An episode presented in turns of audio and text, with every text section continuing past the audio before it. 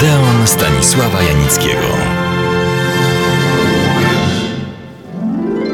Kontynuuję dziś swoją opowieść o nietuzinkowych polskich filmach lat dwudziestych. Realizowane były wtedy nie tylko krwawe albo pseudoliryczne melodramaty, ale na ekrany naszych kin trafiały także cenne ekranizacje utworów literackich. Efekty tych realizacji nie zawsze odpowiadały ich randze. Na przykład Pan Tadeusz z 1928 roku. Było to przedsięwzięcie ze wszech miar godne poparcia i uznania, choć z tym uznaniem różnie bywało. Reżyser Ryszard Ordyński był znakomitym reżyserem teatralnym. Specyfiki filmu jednak nie bardzo rozumiał czy też wyczuwał. A miał Ryszard Ordyński do dyspozycji zestaw aktorski pierwszej gildii. Ówcześni krytycy kręcili nosem. Za dużo batalistyki, za mało scen rodzajowych. Publiczność nie miała tych zastrzeżeń, bo i tak oglądała wyjątkową plejadę polskich aktorek i aktorów w filmie, którego pierwowzór był wówczas prawie wszystkim Polakom znany. Z tego półtora godzinnego filmu zachowało się niestety tylko kilkanaście oderwanych od siebie scen. Ale i tak miał szczęście, bo wiele innych w założeniu wartościowych i ciekawych filmów pozostawiło po sobie tylko fotosy, krótkie informacje i recenzje. Takim filmem była na przykład adaptacja jednego z najpiękniejszych i najwartościowszych polskich dzieł literackich, jakim było i jest Przedwiośnie Stefana Żeromskiego. W ówczesnym programie do tego filmu tak napisano – Cezary Baryka, gra go Zbigniew Sawan, to symbol nowego pokolenia Polski dzisiejszej, pokolenia, które o tę Polskę walczyło. Baryka przechodzi przez wielką burzę dziejową w Rosji Sowieckiej. Traci tam rodziców i rozczarowany, zupełnie samotny wraca do Polski, gdzie w obronie ojczyzny walczy przeciwko tym, z którymi wczoraj był w jednym szeregu. Nie opuszcza go jednak myśl przewodnia przekazana mu przez ojca.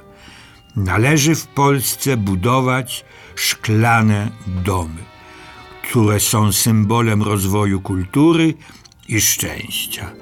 Porywa go jednak pijany wir życia, wplątując w trzy wielkie kochania.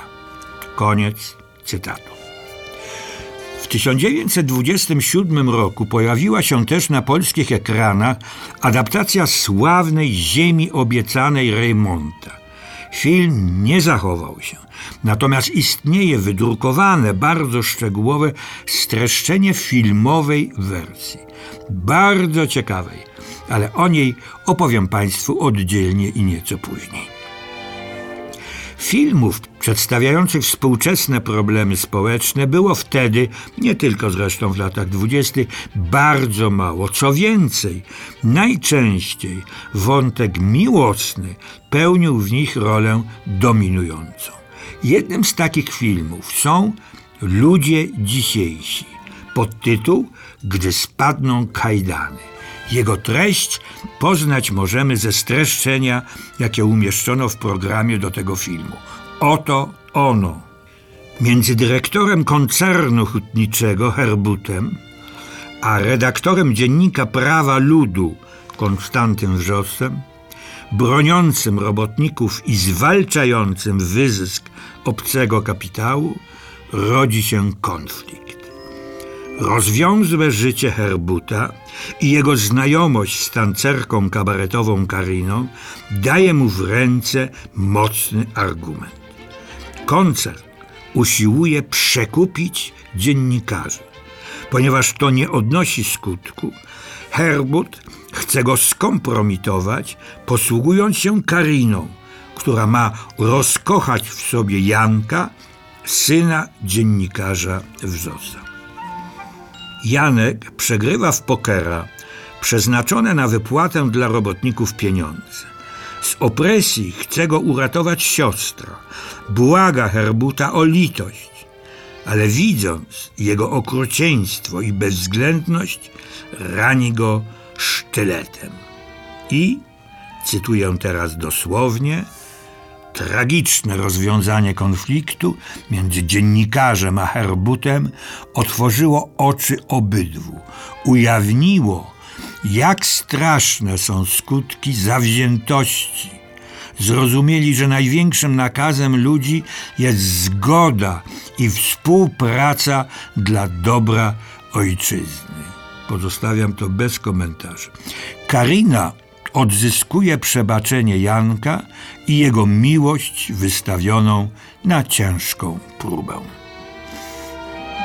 Filmów, które choćby tylko ocierały się o aktualną problematykę społeczną, ze świecą by szukać. Sytuacja zmieniła się dopiero nieco 10 lat później, pod koniec lat 30. Dowodem są dziewczęta z Nowolipek, Granica, Ludzie Wisły, Czarne Diamenty czy żydowskie filmy Bezdomni, List do Matki i Mateczka. Do filmów tych rzecz jasna jeszcze wrócę. Ale na razie zapraszam Państwa na programy świąteczne w Odoronie.